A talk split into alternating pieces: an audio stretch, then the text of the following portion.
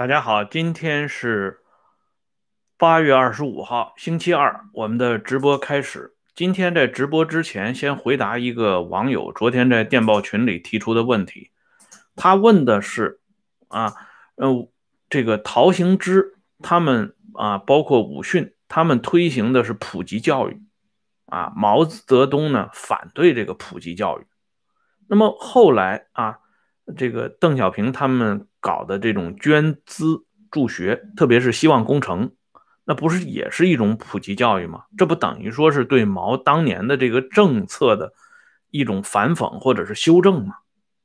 这里呢，我愿意引用鲁迅当年在《灯下漫笔》里边写过的一段话。呃，这段话呢是这么说的，简短截说啊。他说：“假如有一种暴力，将人不当人，不但不当人，还不及牛马。” 待到人们羡慕牛马的时候，然后给予他略等于牛马的价格，则人们便要心悦诚服，恭送太平的盛世。为什么呢？因为他虽不算人，究竟已等于牛马了。大家看了这段话，再来看一下 后来的希望工程，以及之前反对普及教育。这两件事情之间的差别，我相信聪明的朋友都会明白到底是怎么回事啊！我把鲁迅先生的这番话呢打上来，便于大家观看。谢谢咱们这位朋友啊！好了，今天我们来回到正题儿，说一下昨天为什么坐镇西南的第一书记邓小平选择重重庆育才学校作为批判的切入口。他这么做有什么深刻的政治目的？在说这个原因之前，我们要提一件事情，就是说毛泽东他这一辈子最看重的又最鲜为人知的一个头衔是什么？大家或许啊一下子就能想到啊，是不是主席呀？哎，这个不是啊。不过呃，这个毛对主席这个头衔也很看重，因为。彭德怀就是因为不习惯叫主席，而习惯于叫老毛，最终呢，啊，遭到这个全党的讨伐，这也是尽人皆知的事情。特别是毛最喜欢看重的若干个主席里边，最重要的是他一九三零年的时候开始担任的中华全国革命委员会主席，中国工农革命委员会主席。所以你看，在文化大革命当中。各省乃至中央部委，他的权力机构一律改称革命委员会。当然，毛内心深处更喜欢的是人民公社啊，只是这个没法改，要改了的话，国号恐怕也要变变更。那么，毛最喜欢的是导师吗？他跟这个斯诺说过，四个伟大讨嫌，如果要留下的话，就留一个老师啊，因为他毕竟是这个教书的出身。其实也不是。这人对这个头衔的偏爱，只有身边人最了解，啊，这是常识。咱们比如说啊，咱们说这汪精卫，啊，汪精卫这个人，据他身边的人回忆，包括陈公博、周佛海这些人都回忆，陈春蒲啊，陈璧君的侄子，他们都有过回忆录，就讲这个汪精卫对自己若干个头衔里边哪一个最看重，哪一个呢？委员长，因为汪精卫组织了汪伪政府之后，他自己兼任国民政府军事委员会委员长，所以汪精卫最喜欢别人叫他一声“委座”。啊，这个事情是很有意思的。我们都知道，委座实际上是蒋介石的专有名词，但是汪精卫很喜欢这个头衔这也可以是一个例子。那么我们再来看蒋介石。我们以前看到的党史教科书里边，经常把蒋介石说成什么呢？说成他是买办资产阶级、官僚资产阶级和封建地主阶级的总代理人。说这国民党阵营里边啊，国民党的这些大小特务们都管戴笠叫老板，管蒋介石叫大老板。啊，这是我们以前经常看到的内容。可是我们没有看到的内容是什么呢？就是毛生平最看重也最为显知的鲜为人知的头衔就是“老板”这个词。老板这个头衔是江青送给毛的，毛这一生对老板这个头衔非常重视，而能够称呼毛为老板的这人不超过十个人，江青为首。啊，他身边的这些人，罗瑞卿、叶子龙、杨尚昆，还有周恩来，啊，仅少数的这几个人，田家英也知道，但田家英不屑于管毛叫老板，田家英更喜欢管毛叫主公。这主公实际上翻译成现代汉语也是老板的意思。哎，而这个事情是。毛泽东的卫士长严长林回忆的，啊，到了外边以后，江青嘱咐身边的人要照顾好老板的起居啊，等等等等。表面上看，这是为了隐藏毛的真实身份，是一种安全的这种措施，但实际上，后来的史料证实，毛对“老板”的这个词情有独钟。江青在与毛泽东结婚以后，啊，江青就跟毛说过这样的话。他说：“当时我一九三三年入党，到上海，只身一人潜入上海搞革命。上海最威风的就是老板，只有老板人们才尊重。所以毛对这个老板的称呼很高兴。这党内能够啊公开叫老板的。”除了我们都知道，谭震林谭老板啊，这是因为谭震林自己当过伙计的原因，而这个毛老板却是一直鲜为人知的。那么，为什么要把这个头衔的事情不厌其烦的进行交代呢？因为陶行知的这个大弟子，重庆育才学校校长孙明勋老先生冒犯了育会。更主要的是，他这个冒犯的与会的起源是源自于陶行知。这个故事是怎么发生的呢？是在一九四五年十月，当时抗日战争已经胜利结束，陶行知到重庆参加这个育才的庆祝胜利会，他听到当地的一个老太太问他，说：“陶先生，这个民主啊，是不是就是老百姓做老板？”这陶行知听完以后非常感动，他写了一首诗。这题目呢，啊，就是这么一个题目，叫“四万万五千万人的大公司，四万万五千万人做老板”。然后在这里边呢，陶行知还阐述了这样一层意思啊，他说：“中国好比一个大公司，老百姓都是老板，大人是大老板，小孩是小老板，文武百官是伙计。”大官是大伙计，小官是小伙计。伙计要忠实，伙计要和气，伙计要努力，还要四万万五千万做老板，做上第一把交椅。这是陶行知当年说的话。大家想一想，你们都是老板了，伟大领袖怎么办呢？而且你们居然要做第一把交椅，这还得了？这个咱们都知道，水水泊梁山忠义堂最讲究的就是排座次啊。这天罡星、天鹰星和那地狗星，它绝对不能往一块儿坐，对吧？所以这个排座次的事情哪能随便来呢？不是胡胡闹吗？这不是。所以这个毛对这个事情本身就已经很不高兴了。问题在于孙明勋这个人他是不开眼啊。他居然在一九五零年七月二十五号这一天的《新华日报》的第六版发表了一篇怀念陶行知先生的文章，在这个文章里又把老板的这个事情重新给说了一遍，是唯恐啊大家不知道这个事情，所以当时作为西南局第一书记的邓小平非常生气，他认为孙明勋。放了一个反党的臭屁，那么为了不让这个反党的臭屁臭气熏天，怎么办呢？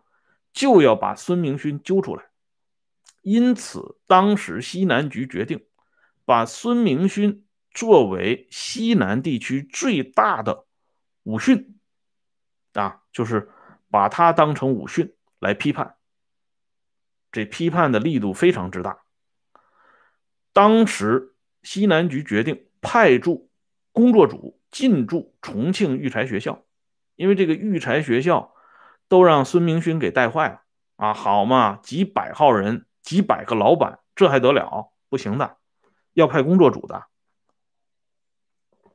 而进驻重庆育才学校工作组的组长是谁呢？是邓小平的亲弟弟。经周恩来一手陶养的中央特科小特科的成员邓肯，这个邓肯秉承西南局的意思，秉承他老哥哥邓小平的意思，下车伊始，对孙明勋就进行了一通炮轰，轰到什么程度呢？把这孙明勋搞，搞的是七荤八素。啊，当时重重庆就是西南局所在地，是非常厉害的。孙明勋的后代曾经回忆说，那个时候重重庆每天都在杀人，最多的时候一天杀了六十多个人。这都是啊，邓小平作为西南局第一书记当时的主要业绩。批判孙明勋。最终把这孙明勋搞得在一九五二年三月六号这一天愤而自尽啊！幸好呢，发现他早，没有死成。可是他这么一搞，事情反而升级了。三月六号自尽未遂，四月十号，重庆市委宣布开除孙明勋的党籍。你居然要反党啊！自尽算反党啊！所以开除他的党籍。然后，这报纸上还说，开除孙明勋的党籍是我们党的伟大胜利、重大胜利。然后，重庆育才学校的师生纷纷表态，对于开除他们校长孙明勋的党籍表示热烈的祝贺和绝对的拥护。啊，这是必须要走的程序。邓在西南的这一步棋，受到毛泽东、江青夫妇的好评。认为邓这个人绵里成真，很厉害，不动声色就把武训的这套东西在西南地区彻底批臭了。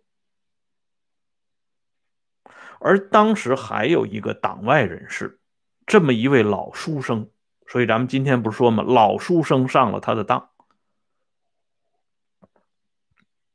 这位老书生，党外人士就是梁漱溟老先生。广西桂林人，足足活了九十五岁。这老先生是当时党外人士当中第一个向毛泽东公开谈论邓小平的人。梁漱溟认为，啊，邓小平年轻，能办事儿，这个人能力很强。毛泽东非常高兴，高兴到什么程度？毛居然笑出了声，说：“没想到梁先生啊，还有这样的眼光，能看出邓小平是一个非常有能力的人啊。”这个谈话就相当融洽了。可是梁漱溟没有想到，这个事情不过是发生到了一年多之后，他本人就上了日后编撰的《毛选》第五卷了。这第五卷里边。收录了毛泽东的一篇讲话，这是发生在一九五三年九月十六号到九月十八号，题目呢叫《批判梁漱溟的反动思想》。在这篇讲话里边，毛泽东给梁漱溟的定性是野心家，是伪君子啊，这个定性很厉害呀。大家想一想，庐山会议第一次庐山会议给彭德怀的三顶帽子。就是野心家、伪君子冯玉祥，这梁漱溟在一九五三年居然就仅次于彭德怀，得到了两顶帽子，实在是因为啊，梁漱溟既不领兵打仗，也不是手挽兵符，所以呢，他没办法跟冯玉祥靠在一起因此少了一顶帽子。但就这两顶帽子也就够一关了啊。而毛泽东呢，对梁漱溟的这种讽刺啊，可谓极尽能事。特别是呢，把这梁漱溟和另外的一位党内的高级领导人相提并论，从而为大家看到高饶事件的另一个小缺口提供了方便的条件。啊，这位领导人是谁呢？我们明天会接着说。那么今天呢，我们先来说一下梁漱溟老先生这么一个老书生是怎么就上了当了的。以前啊，有过一本书叫《毛泽东和他的右派朋友》，在这本书里边就列举过毛泽东与梁漱溟的这段友谊。梁漱溟的与毛泽东的这段友谊，一直以来是被官方党史教科书所吹捧的。说这梁漱溟，你看啊，虽然被这领袖呢一顿臭骂，啊，甚至遭到种种的批判，可是领袖没有难为他，继续让他做全国政协委员。哎，他这么公开顶撞啊领袖。可是领袖却虚怀若谷，那么这一段友谊岂不是一段佳话吗？啊，那么我们来看看这段佳话是不是真正意义上的佳话？就梁漱溟而言，他之于毛来讲，无权无勇，无党无派，这样一个东烘先生，毛很清楚，如果把他搞掉。啊，搞臭和搞掉是两个概念啊。如果把它搞掉的话，对毛没有增加一丝一毫的政治权益，反倒是会授人以柄。将来史书书写的时候，一九三八年的啊两个人在窑洞里的谈笑风生，恐怕就成为不可描述的事情了。所以，这样的人，与其把他搞掉，不如给他留下来。做一个活靶子啊，供后人继续胡编历史作为啊根据。那么，这个毛泽东和他的右派朋友这类读物，也就是这样应运而生的。原来，北京大学有一个很有名的学者叫周一良老先生，晚年写过一本回忆录，叫《毕竟是书生》，想他自己当年在文革中上了贼船的这个经历。晚年也刻了一个图章，叫“书生上了毛泽东当”。他实际上这是自况啊，自己形容自己。实际上上了当的不仅仅是周一良，咱们这位梁漱溟老先生也是其中一个典范。民国七年，一九一八年，当时的梁漱溟经常。登毛泽东的后来的岳父杨怀忠先生的家门，啊，经常去，但是呢，他从来没有留意过一个身高比他略高、年龄与他相仿的，啊，大致啊相仿的这么一个高高瘦瘦啊高高瘦瘦的年轻人，每次都给他不厌其烦的开门关门。梁漱溟没有注意到这个人。但是这个人却注意到了梁漱溟。一九三八年在延安，梁漱溟与这个人终于见面了。这个人同梁漱溟见面的时候说的第一句话就是：“梁先生，我们二十多年没有见面了。”梁漱溟大吃一惊，他认为他跟眼前的这个人本来就不认识，又何来有二十多年没有见面一说呢？那么这个人。就是毛泽东。毛泽东说：“梁先生不记得了。”民国七年，啊，就把这段往事说了出来。而且，毛泽东刻意的强调说：“我那个时候是小小的图书管理员，而梁先生是大大的学者。”这个小小的图书管理员一度被毛。挂在嘴边，啊，与他这个后来的大大的领袖啊相应啊这个成趣，很有意思。当初的1938年的这次窑洞的会谈，让梁漱溟终生难忘。梁漱溟晚年的时候，跟来访者还说过，他说。最让我终生难忘的是毛泽东的政治家的风貌和气度。他从容不迫，不动声色，说话幽默，常人常有出人意外的妙语。两个人之间尽管争论的很激烈，但毛从不动气。啊，直到最后天已大亮，他送我出门的时候，他最后讲：“梁先生是有心之人，我们今天的争论不必先做结论。”姑且存留，听下回分解吧。